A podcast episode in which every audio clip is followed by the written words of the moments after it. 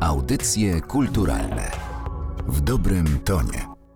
Słuchają Państwo audycji kulturalnych podcastu Narodowego Centrum Kultury. Ja nazywam się Martyna Matwiejuka. Moim gościem jest dzisiaj doktor habilitowany Janusz Trupinda, dyrektor Muzeum Zamkowego w Malborku. Dzień dobry. Dzień dobry. Myślę, że w takiej szerszej świadomości, kiedy myślimy sobie o zamku w Malborku, no to wracamy do czasów średniowiecza. Myślimy o zamku głównie jako zamku krzyżackim. Wyobrażamy sobie tych kolejnych mistrzów zakonu, rycerzy zakonu.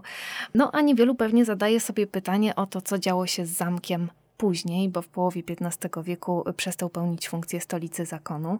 Szczególnie nieznany wydaje się okres po panowaniu polskim, czyli po 1772 roku, czyli po pierwszym rozbiorze Polski.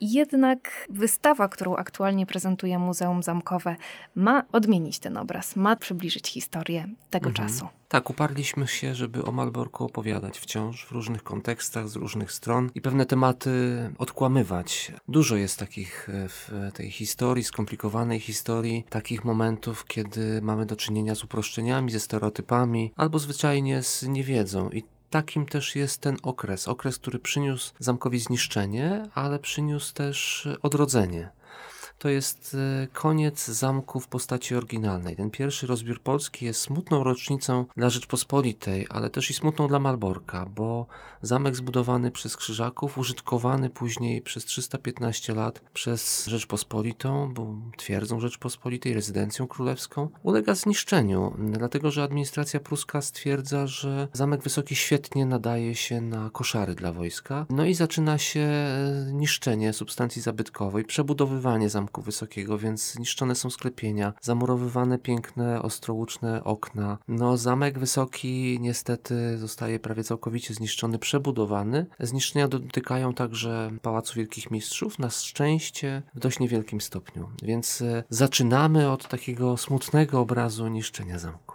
Prawdziwy horror dla muzealnika. Czy zamkowi groziła całkowita rozbiórka? Tak, wiele zamków krzyżackich zostało rozebranych. W Kwidzynie, gdzie mamy cudowny zamek kapituły pomezańskiej, dzisiaj nasz oddział, rozebrano nawet dwa skrzydła, dlatego że uznano, że w mieście potrzebny jest budynek sądowy i władze pruskie wykonały kalkulacje, czy będzie taniej pozyskać cegłę z zamku już istniejącego na miejscu, czy zakupić cegłę nową. Wyszło niestety, że taniej będzie rozebrać część zabytku, no i do dzisiaj zamek kwidzyński ma tylko dwa skrzydła, więc Malborku mogło być podobnie. Na szczęście, i to jest też nasza opowieść, ta, ta wystawowa, pojawili się w Malborku młodzi ludzie, młodzi romantycy, dwudziestolatkowie, którzy ze zgrozą patrzyli na to, co się dzieje z Zamkiem Wysokim i zaczęli krzyczeć. No właśnie, tu myślę jest dobry moment na przytoczenie cytatu, który znajduje się w tytule wystawy. Zatem Najświętsza Maria Panna musi oglądać swoją sprofanowaną siedzibę. To cytat, z którego bije gniew, też powiedziałabym swego rodzaju rozgoryczenie wobec y, przebiegającej rozbiorki zamku. Powiedział pan o tym, że znaleźli się ci, którzy mieli mhm. odwagę powiedzieć temu dosyć. Y, zastanawiam się, na ile pomógł w tym czas idei romantycznych. Bardzo pomógł, dlatego że zamek zaczarował ich nie swoją historią, a właśnie pięknem i majestatem, pięknem architektury. To jest, pamiętajmy, 21 hektarów terenu zabudowanego bardzo gęsto, zabudowanego architekturą gotycką, którą tą architekturę szczególnie romantycy sobie upodobali. Zamek bardzo malowniczy i ten młody niemiecki poeta Max von Schenkendorf, stojąc naprzeciw figury, ośmiometrowej figury Najświętszej Marii Panny, patrząc na to, co się dzieje z Zamkiem Wysokim, właśnie zawarto w tych swoich słowach pełnych gniewu i rozpaczy, dodając, że Najświętsza Maria Panna będzie następna, no bo po cóż taka fantastyczna figura w wojskowych koszarach. Więc to był taki krzyk trochę, może bez silności nawet, ale na szczęście Schenkendorf nie był sam. Trzech Fryderyków, Gilly, Frick i Rabe, którzy się pojawili w Malborku i którzy znowu zaczęli szkicować pod natchnieniem chwili, tak można by powiedzieć. E, chcieli uchwycić ten moment, uchwycić to piękno. Z tych rysunków powstały prace graficzne, został wydany album, e, zorganizowali wystawę w Berlinie. No dość powiedzieć, że już w 1804 roku król pruski mówi stop, coś złego dzieje się w Malborku i zabrania dokonywania jakichkolwiek prac bez swojej osobistej zgody. I to jest ten pierwszy kroczek, który, który udało się zrobić dzięki tym młodym ludziom.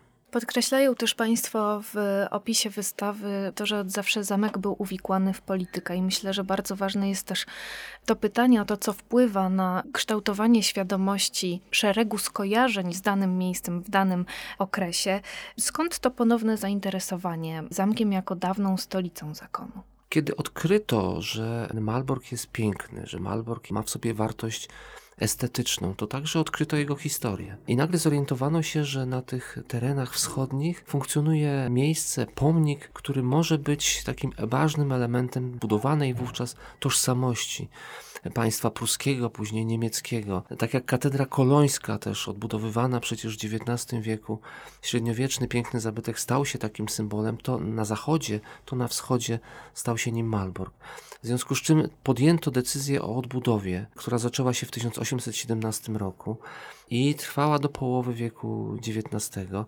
I znowu to jest taki okres, który dzisiaj w takim potocznym obiegu, w potocznej ocenie jest traktowany trochę z przymrużeniem oka. Od pojawili się romantycy i próbowali odbudować zamek. No, my pokazujemy, że to nie był taki beztroski proces, że ci romantycy mieli swoje określone cele. Malbork miał stać się pruskim Westminsterem, miał stać się takim miejscem pruskiej historii, takim panteonem historii Rory Prus i rezydencją królewską, pruską, później cesarską.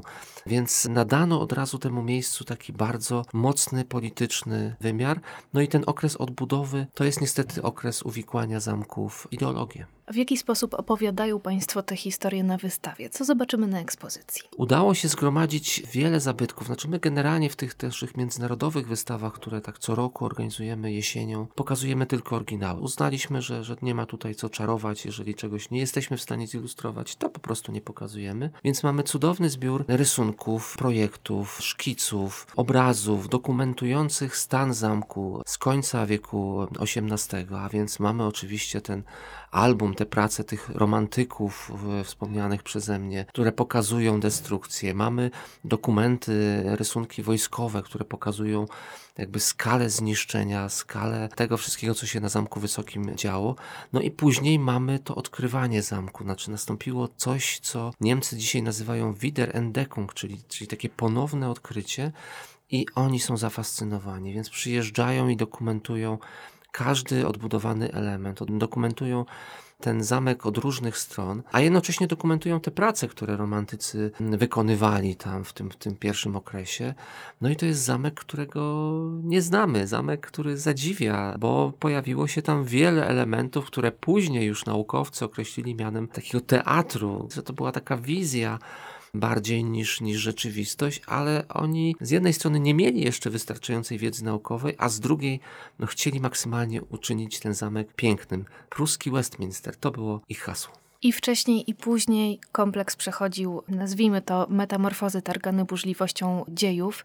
Nie ominęła go również e, katastrofa II wojny światowej. Mm. I w zasadzie ta odbudowa, która została wówczas zapoczątkowana, można powiedzieć, trwa do dzisiaj.